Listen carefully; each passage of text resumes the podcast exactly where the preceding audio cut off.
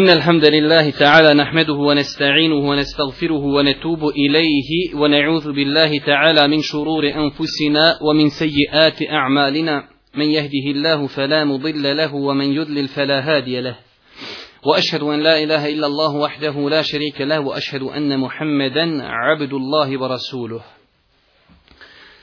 Braćo moja draga, za one koji ne znaju, koji nisu jučer prisustovali, mi smo jučer počeli sa komentarom sedmog hadisa, a znate da komentarišemo knjigu imama Nevevija 40 hadisa. Hadis kojeg smo jučer počeli komentarisati je poznati hadis Ebu Ruqayje Temima Eddarija radijallahu ta'ala anhu hadis koji izbilžima muslim da je Allah poslani kazao Eddinu nasiha Islam, vjera je savjet. Pa su asabi upitali kome je vjera savjet, kaže Allahu, njegovoj knjigi, njegovom poslaniku, vođama muslimana i ostalim muslimanima. Kazali smo da je ovo jedan hadis u kojem je Allahu poslanik alaihi salatu wasalam u jednoj rečenici kazao mnogo toga. Imam Ebu Davud rahmetullahi alaihi je kazao ova vjera naša, fik ove vjeri zasnovan je na pet hadisa, a jedan od tih pet hadisa je i ovaj hadis, vjera je savjet. Što se tiče prenosioca, kazali smo juče da je Temim Eddari bio prepoznatljiv po svome ibadetu, do te mjere da je znao cijeli, cijelu noć provesti u namazu ponavljajući jedan ajet. Njega je Omer radijallahu ta'ala anhu postavio da ljude, da ljude predvodi u teravih namazu što zasigurno ukazuje na njegovu vrijednost, jer u to vrijeme biti imam ashabima, znači zaista je velika stvar. I kazali smo od njegovi odlika jeste i to da je Allah poslanik od njega, znači kada mu je ispričao događaj sa Deđalom, da je on, Allahu poslanik, potvrdio to i ispričao taj događaj i taj događaj znači zabilježen u najvjerodostojnim zbirkama hadisa, jedna od njih je muslimova zbirka hadisa. I ta stvar se smatra jedan pokazatelj vrijednosti tog ashaba da je Allahu poslanik priču koju on ispričao kako se je desila, znači kako su vidjeli na onom ostrvu Deđala, da je Allahu poslanik potvrdio validnost te priče. Što se tiče ovog hadisa, mi smo jučer spomenuli u samom početku da je Allahu poslanik ali salatu wasalam na jedan jednostavan način, sa malo riječi, ukazao koliko mjesto savjetovanje ima u islamu. Kao što na hađu kaže el hađu arafe, hađa arefat. Što ne znači da nema a, hađ drugih temelja i ruknova i obaveza, ali želići time ukazati koliko je mjesto arefata i boravka na arefatu, znači u odnosu na hađu. Tako i ovdje ne znači da vjera islam nema drugih temelja, ali Allah poslanik želio da pokaže koliko mjesto u islamu ima savjetovanje, pa je kazao vjera je savjet. U smislu, pa toliko veliko kao cijela vjera je savjet. Mi smo kazali da ovaj princip savjetovanja u islamu ima veliko, veliko mjesto. Allahu poslanik ali salatu wasalam u hadisku izvižava muslima debu Hureyri je spomenuo šest prava brata muslimana kod drugog brata muslimana, pa je spomenuo kada traži od tebe savjet, da ga posavjetuješ. I ovdje je jedna interesantna stvar i zaista vjerujte, čovjek, bar ja to nisam mogao shvatiti dok nisam čitao komentar ovog hadisa. Islamski učenjaci kada komentarišu ovaj hadis konkretno kažu iz ovog hadisa možemo uzeti jednu korist, a to je da je od osobina vjernika da traži savjet. Jer kaže pravo brata muslimana kod muslimana i kada traži od tebe savjet da ga posavjetuješ. Što znači mu'min je taj koji traga za savjetom. Jer jučer smo spominjali primjer mu'mina i ogledala. Kao što kaže Allah poslanik, mu'min je mu'minu kao ogledalo. Čovjek sebi ne može vidjeti šta ima na licu. Ali drugi čovjek ti vidi šta ima kod njega na licu i on vidi šta ima kod tebe. Tako čovjek ne može neke svoje negativnosti primijetiti ali drugi čovjek kao ogledalo kazuje mu šta ima znači pri njemu. Ali tako treba da mi dokažimo sredini i ljudima da su naša gru, da, naše grudi otvorene. Bujrum, kažite, ako ima kakav propust, ako ne smiješ, ne imaš hrabrosti, slab iman ili se bojiš, napiši bratu muslimanu pismo, pošalji mu, dragi brate, tako i tako, jedan, dva, tri. Znači ovaj hadis interesantna, lijepa korist jeste da je od osobina mu'mina da traži savjet. Ne samo da čeka da ga ljudi savjetuju, ne, već on traži savjet.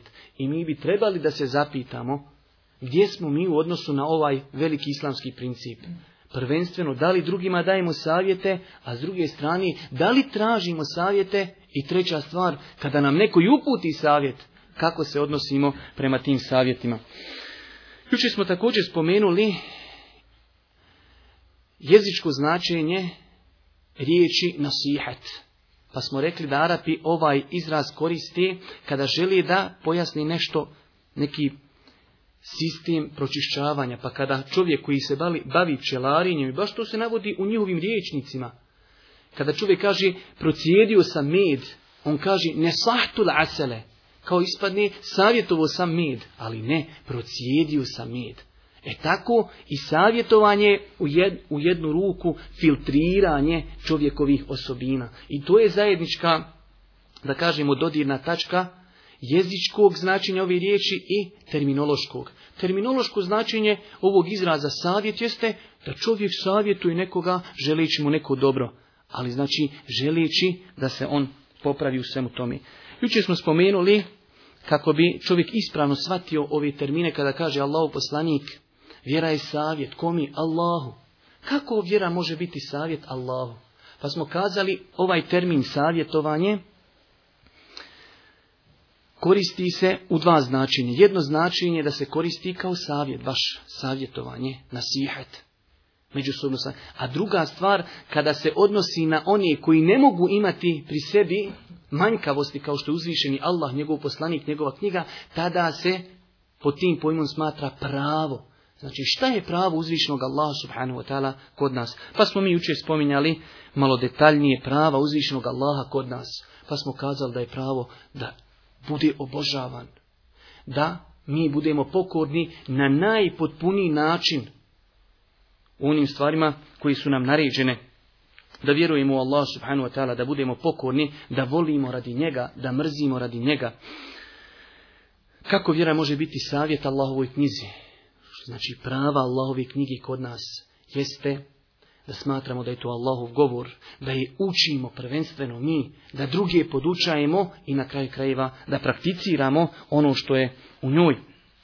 Kako vjera može biti savjet poslaniku? To jeste koja prava su Allahu poslanika kod nas.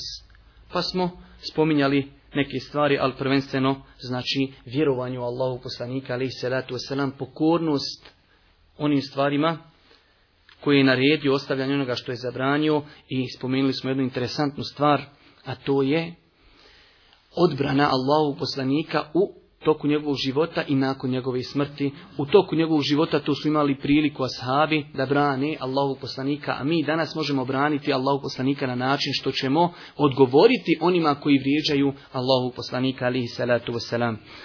Savjet vođama muslimana kako vođama muslimana možemo savjetovati, o tome smo govorili da se ovaj pojam može odnositi na zaista vođe muslimana kao njihove pretpostavljeni, a može se odnositi i na učenjake. Pa smo o svemu tome govorili kakva su prava učenjaka kod običnih masa. Između ostalog smo spomenuli da bi vjernik trebao da ima lijepo mišljenje u lemi.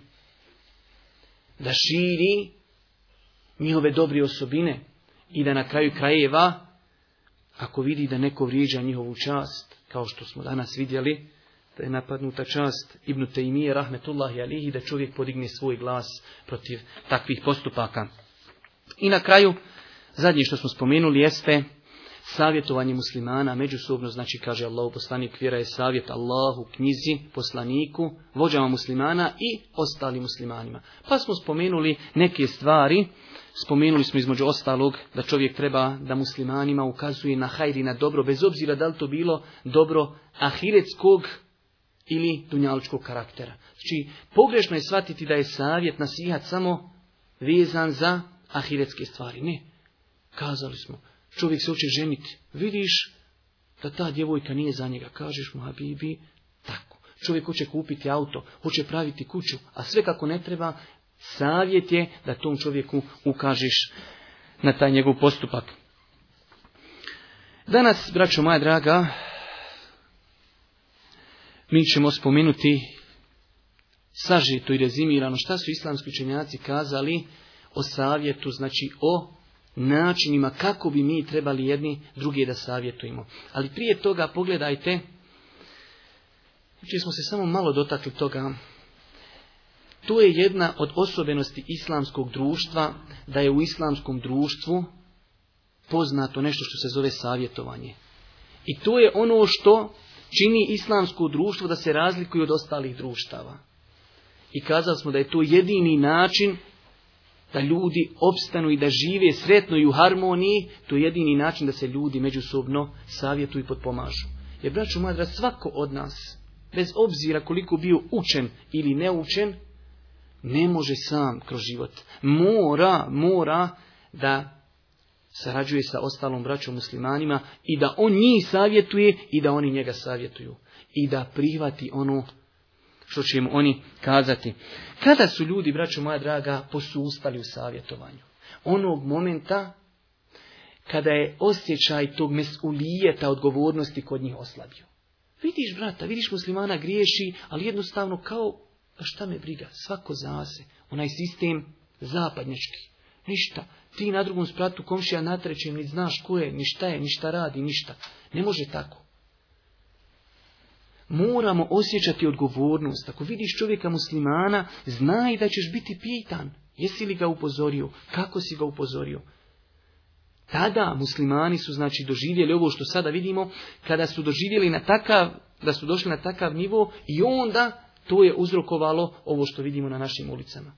Zato vraću moja draga logika. To, je, to nema nigdje osim islamu. Da mi živimo pravi islam, da živimo, ne bi bilo ovakvih grijeha na našim ulicama. Ženi koja je otkrivena ili čovjeku koji alkohol konzumira, da mu danas deset ljudi na lijep način kaže, pa nemoj, pa nije dobro, pa šteti, pa zašto, pa... Od njih to sigurno bi 50 došlo pameti. Ali nikomu ništa ne govori. A s druge strane, sa svakog, znači, čoška ga šeitani zovu pozivaju ga. I zato kažemo jedini način da jedno društvo ustraje i da osjeti harmoniju života na Dunjalku jeste da prakticira ovaj veliki islamski princip.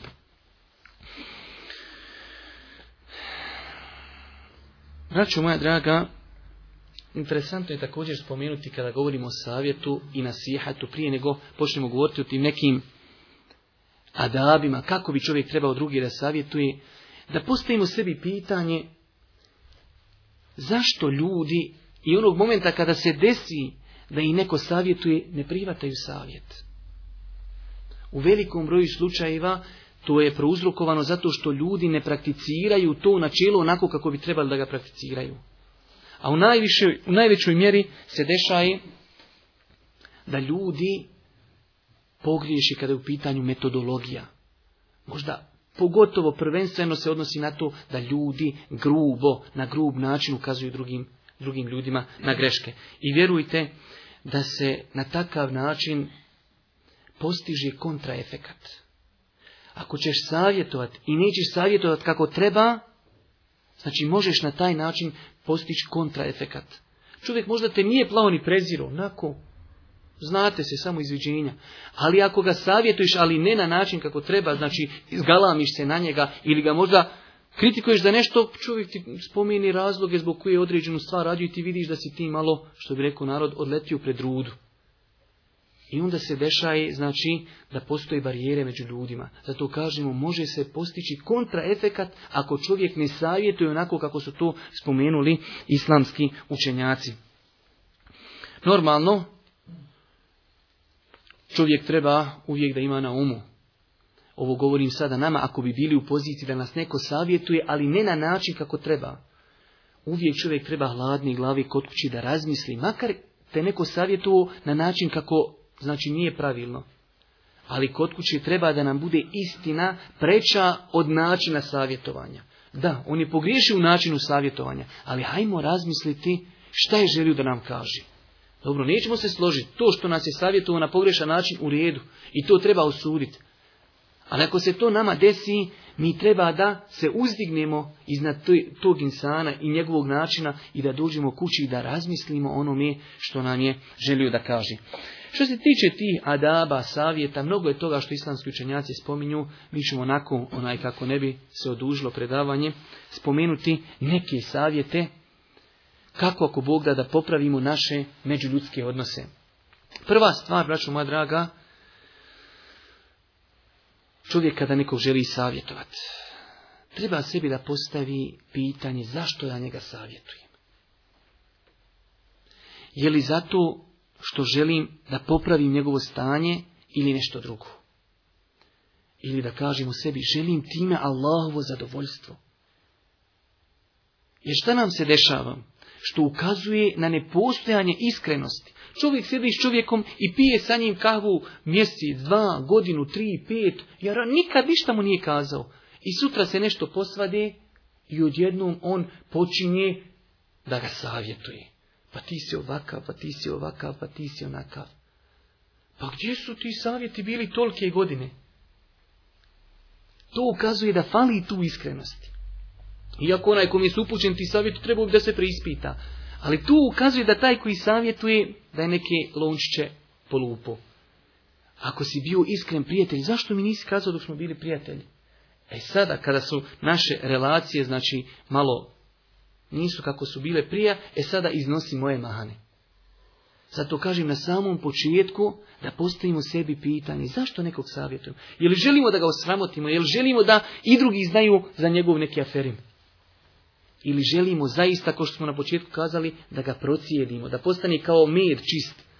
Želimo li od tog čovjeka da se on promijeni ili želimo da ga osramotimo? Jedna veoma bitna stvar, braću moja draga.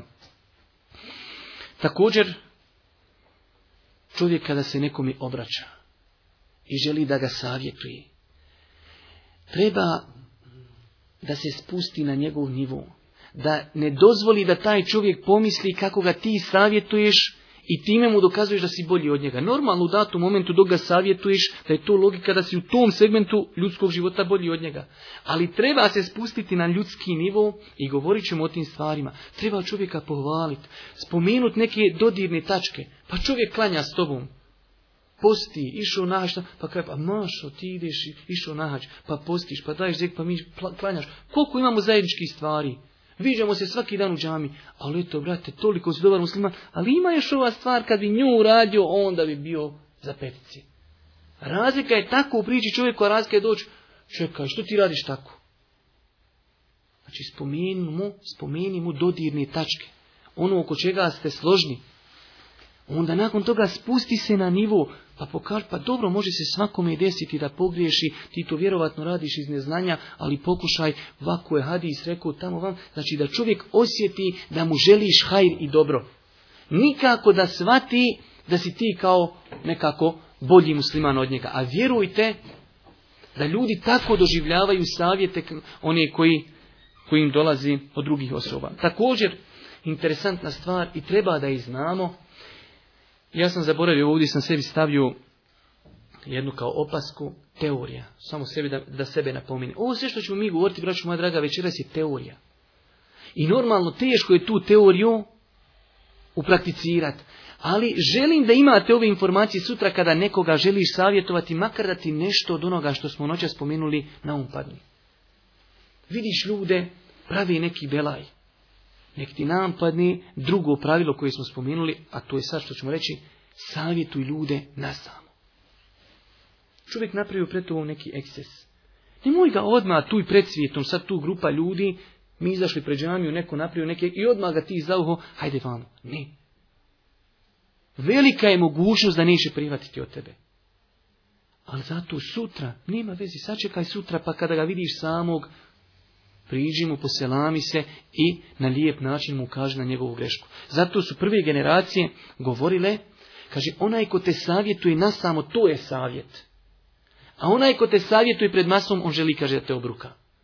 Makar to čovjek nema u, u namjeri, ali zna ako te neko savjetuje pred masom, ti to tako doživljavaš, pa šta dobro ako me voliš, ako želiš da me savjetuješ, zašto pred svima?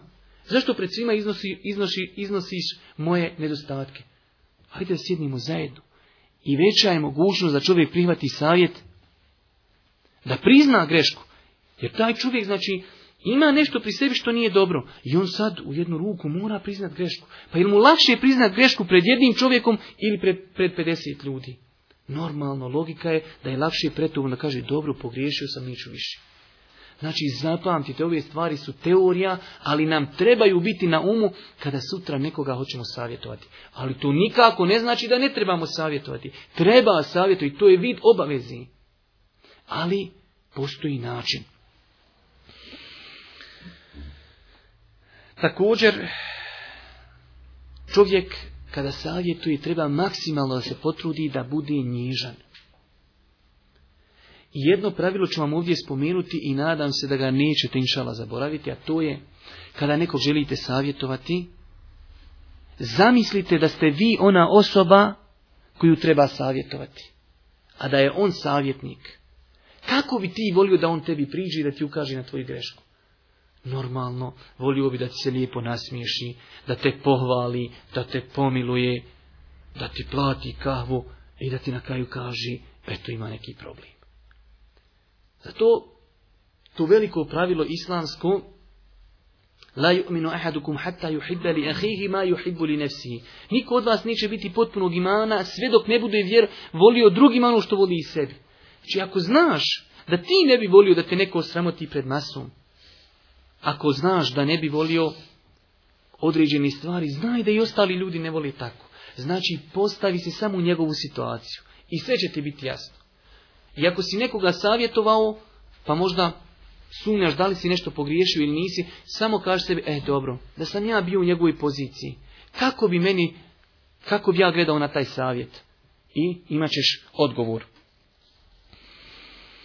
Zato Allah poslanik ali se ratu je poznat je taj hadis svima nama. Jedne prilike kada mu dolaze židovi, pazite židovi, pa ako je iko znao historiju židova i njihove spletke, znao je Allah poslanik. Ulazi kod nje i kažu Esamu alik. Pazite, fali samo jedan harf. Smrt tebi. Mjesto kažu mir tebi, samo jedno slovo ukrali i Esamu alik. Smrt tebi. Kaže Allah poslanik, alaikum, i vama, što god ste vi meni rekli. A iša odmah kaže, smrt vama i prokljestvo, ona počela nabrajati. Kaže Allah poslanik, polako iša, polako.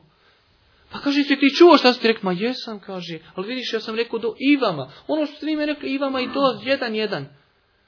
Kaže on tada u toj situaciji sa židovima. Kaže on njoj, a iša, blagost, nikada nije bila u nekoj stvari, a da je nije uljepšala. A grubost nikada nije bila u nečemu, a da nije unakazila tu stvar. Znači, blagost u svemu. Sa djecom, sa starijim, sa mlađim sa onim koga savjetuješ, s nevjernikom, blagost, na lijep način. Sigurno ako budeš drsk i grub, 99% neće od tebe ništa prihvatiti. Ali ako budeš blag, postoji mogućnost. Zato Allah jednom kaže poslaniku, vole u kunte felvan galidal kalbilen feldu min haulik. Poslaniku, braću moja vi znate ko je poslanik? Njemu Allah Đelešan kaže da si ti bio grub, osuran, oni bi se razbježali od tebe. Od tebe.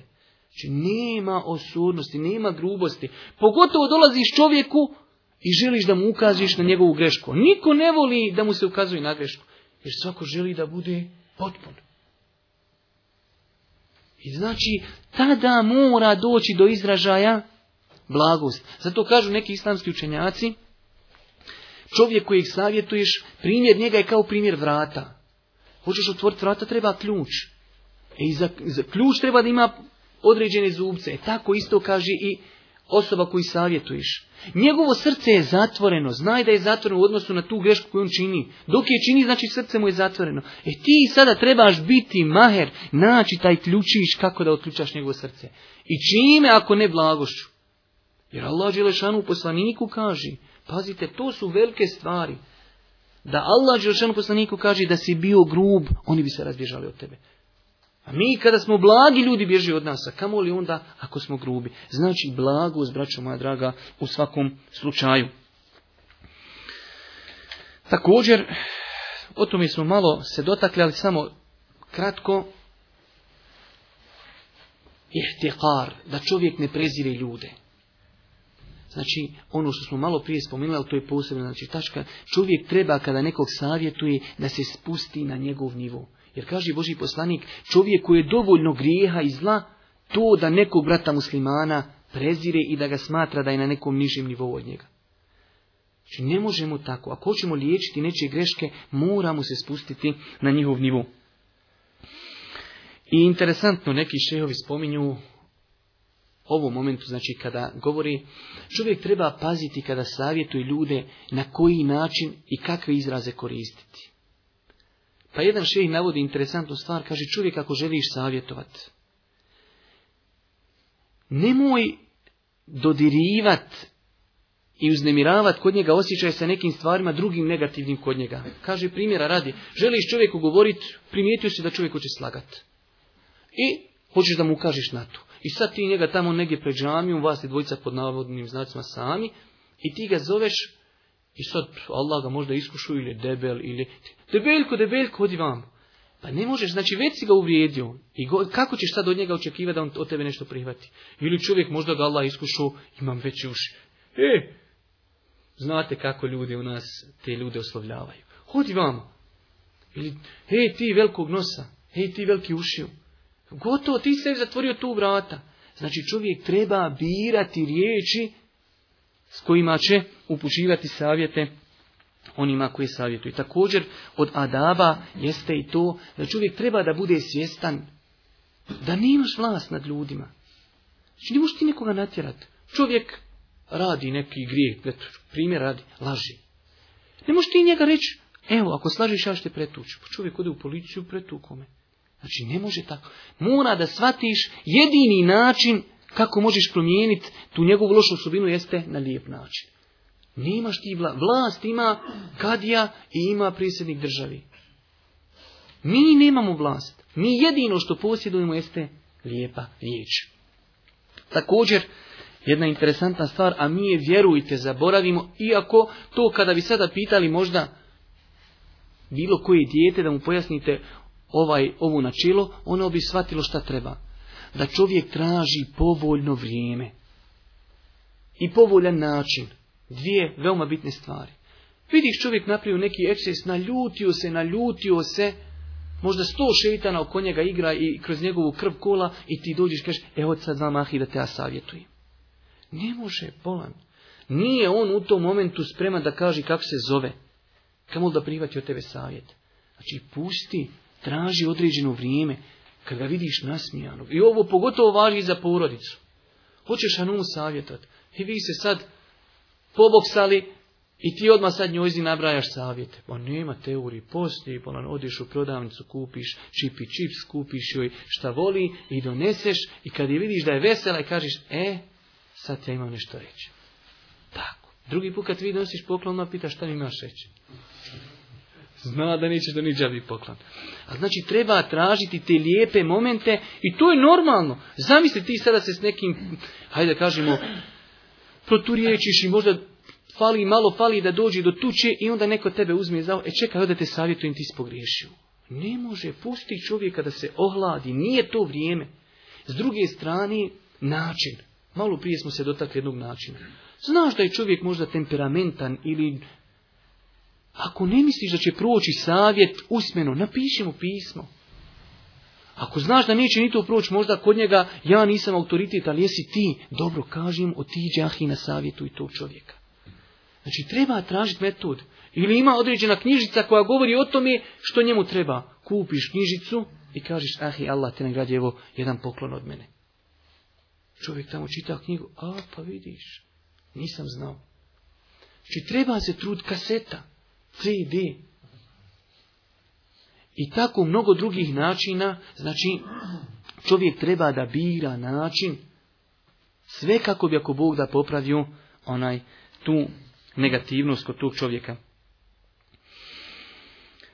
Jučer smo se malo dotakli jedne interesantne stvari, a opet ću i ponoviti zato što se odnosi, može se odnositi na svakog od nas. Čovjek vremenom, kada počne prakticirati vjeru, malo kao da se i ufura. I vidjet ćete, ako budemo iskreni, da ćemo prepoznati to kod sebe.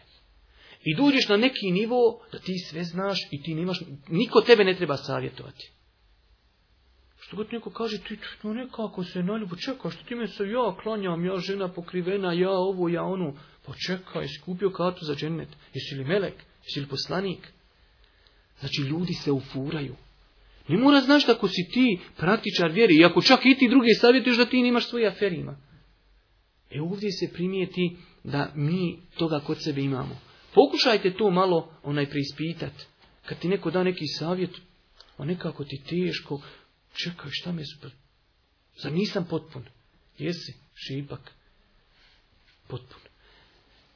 Ili šta se zna dešavati da čovjek nekada brani određene osobe po tim nekim ubjeđenjem da su oni potpuni. Dođe ti neko i počne pričat, pa oni momci s bradom takvi i takvi, a ti nikako nisu oni takvi. Pa ne može tako.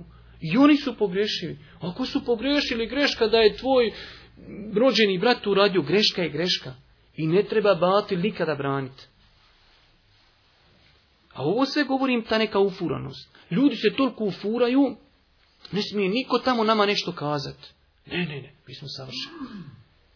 Ne može, braćo moja draga, tako. Moramo biti spremni da nam dođe neko i kaže, izvinjujem se momci, tako i tako. I da razmislimo o tome debelo i da to pokušamo vidjeti onaj imali mjesta. Znači ovo je po meni izuzetno bitna stvar. Također od tih nekih savjeta ima toga kamara. Onaj čovjek ako nekog savjetuje, a o tome ćemo ako Bog da detaljnije govoriti kada budemo govorili o naređivanju, na dobro odvraćanju od zla, hoćeš nekog savjetovati, moraš biti kompetentan i treba da znaš tu tematiku. Tu ćeš počneš čovjeka savjet, on ti kaže, počekaj, čekaj, ovo što radim, dokaz je to i to, mezeb taj i taj, fetva tog i tog. Znači, moraš ono što, što želiš drugim kazat, moraš biti, znači, kompetentan, da imaš da to dokaz, da znaš da je to Znači promašaj, da je to loša osobina. Druga stvar, također, lijepa, sve su to neke stvari koje mogu i pozitivno i negativno djelovati na osobu. Čovjek treba da se trudi ako nekog savjetuje, da bude kratak, da bude jasan, Dođeš čovjeku, pa on vidjeti još nema nešto kazati, pa počneš okolo od grmeća, pa tamo, pa okolo, pa, ma de, reci, bolo, ne, to sami reci, neš ni samo sami reci da te se kanim. Šta si me se uhvatio, pol sata tušiš me. Znači, kratko, jasno, dragi brate muslimanu, jedan, dva, tri, znači na lijep način. I jasno, ma ljudi, on bi ti nešto jadnik da ti ukaže neku grešku, ali njemu to nije jasno, pa ozgor, pa ozdor, pa rastegni, pa nategni. Znači, mora da tebi bude jasno ono što on griješi i da mu jasno kažeš i kratko bez nekih Markovih konaka. Također, lijepa stvar, treba da imamo jedni od drugima lijepo mišljenje. Opet se vesu i za savjetovanje, svakako. Vidiš čovjeka, primjer, radi nema ga tri dana u žamiju. Ti znaš bližom mu kuća džamije, vidiš ga u toku dana i iziži na ulicu. Ono ti kao dobar musliman, pa dobro, možda je bolestan. A čekaj, vidio sam ga na ulici. Nije bol, što li ga nema u džamiju? I odmah ga prvi put ufaš za uho. Kamo te u džamiju? On kaže, pa bolam, bolestan sam, ne mogu izići. Dva puta sam sam izišao da kupim hljeba, jedva izišao. A ti baš šetan dao, eto, to je tako bilo, znači da si ga vidio kad je on izišao jedni kljeba da kupi. On u red umro, Ali ti si njega vidio da ide ulicom, veli, pa kad može dolaziti ulicom, što ne ide u džamiju. Znači, osnova je da imaš lijepo mišljenje o bratu muslimanu. Pa prvo, prije nego što si ga trebao mu trljati uši, kažeš, šta je, brate, mu vidim, nemate u džami, šta je razlog, što, što si odsutan? Kaže, bolestan, oh, Allah te izliječio. I u redu. Ali ti, zato što nemaš lijepo mišljenje o bratu muslimanu, počneš prvo da mu trljaš uši, onda vidiš da si pogriješio. Znači, treba da imamo lijepo mišljenje jedni o drugima. To ne znači sad ti vidiš čovjeka šljoka, pa ti kažeš, pa možda je voda, vidiš ti on se lahura, ljulja, se ti kažeš, pa možda kisele popio, ne može se od kisele ljulja, znači to je definitivno ti jasno. Onaj, znači ondje gdje treba prostora da, da imamo lijepo mišljenje jedni od drugima, treba da ima lijepo mišljenje jedni od drugima. Također, interesantno je spomenuti da islamski učenjaci spominju znači razliku između brukanja i savjeta prvenstveno i najveća razlika koju smo spomenuli jeste tajno i javno savjetovanje. Zato učinjaci kažu, onaj ko te savjetuje, on te savjetuje tajno. A onaj ko želi da te obruka, on to radi javno. Znači, ne smijemo dozvoliti da naši savjeti onaj izgube onu svoju poruku koju bi trebali da imaju, a to je zaista savjetovanje.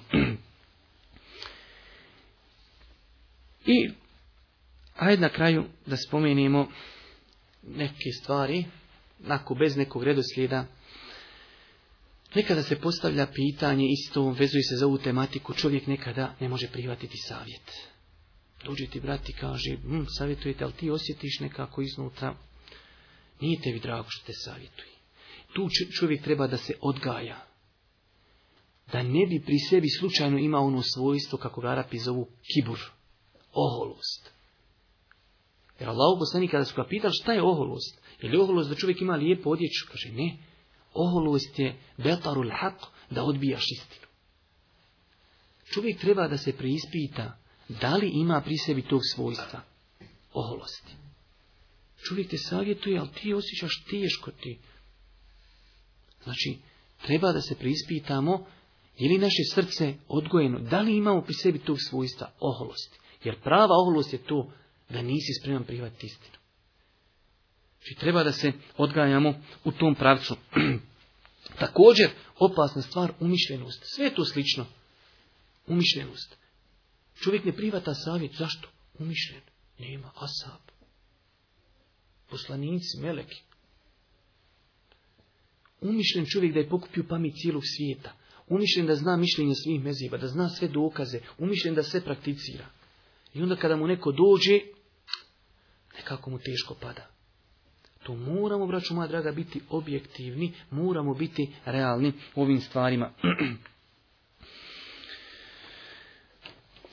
Vjerujte da je toga mnogo što bi ja vama spomenuo, ali evo na kraju ću samo završiti sa nekim koristima koji nosi to savjetovanje, možda je to trebalo i na početku, ali eto, znači prvenstveno od koristi tog savjetovanja, kada bi ga prakticirali, ja sam i rekao, ova, ovo predavanje jeste znači teoretsko. Na nama i sada ga prakticiramo. A kada bi se prakticiralo, vjerujte da bi lijepo bilo živjeti u takvom društvu. Da živiš u društvu u kojem znaš ako napraviš prekršaj, da će neki brat musliman doći i ukazati ti na tu grešku.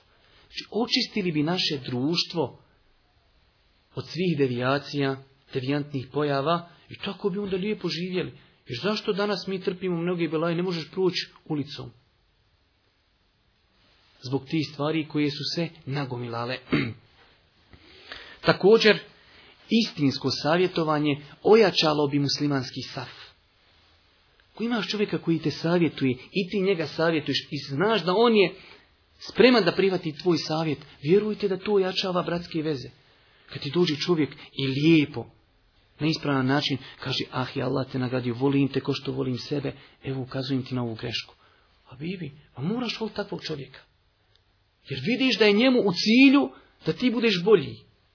Kao što su otac ima cilj da njegovo dijete napreduje. Majka želi da njeno dijete napreduje. E taj tvoj brat želi znači da ti napreduješ. On je danas vidio da se napravio prekršaj. Ne želi da ga drugi vidi. Zato kaže, ahi, volim te, nemoj tu rat. I zar to ne ojačava veze? Ali u nas sve kontra. Mi smo inače koni bicikli kontraši.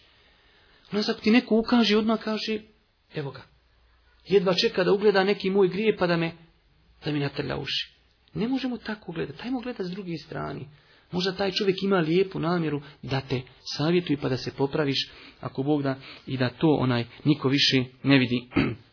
A normalno, zadnja stvar, a mogla bi se spomenuti kao prva, iz tog savjetovanja svakako da proizilazi ako Bog da i da očekuje čovjeka ono, onaj koji savjetuje, da ga očekuje velika nagrada kod Allah ta'ala jer je to vid širenja vjeri, tu je vid ponašanja po onim smjernicama koje nam je ostavio Allahu poslanik alaihi salatu wasalam.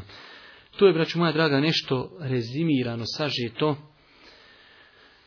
što sam ja želio da vam kažem u ovoj tematici, a već ako Bog da, sljedećeg četvrtka ćemo nastaviti sa komentarom osmog hadisa. Molim Allah Đelešanuhu da ono što smo čuli bude korisno za nas, Molim ga subhanu wa da nas poduči propisima naše vjeri, da nas učusti ovim teškim vremenima, da nam bude milostiv na sudnjem danu i na kraju.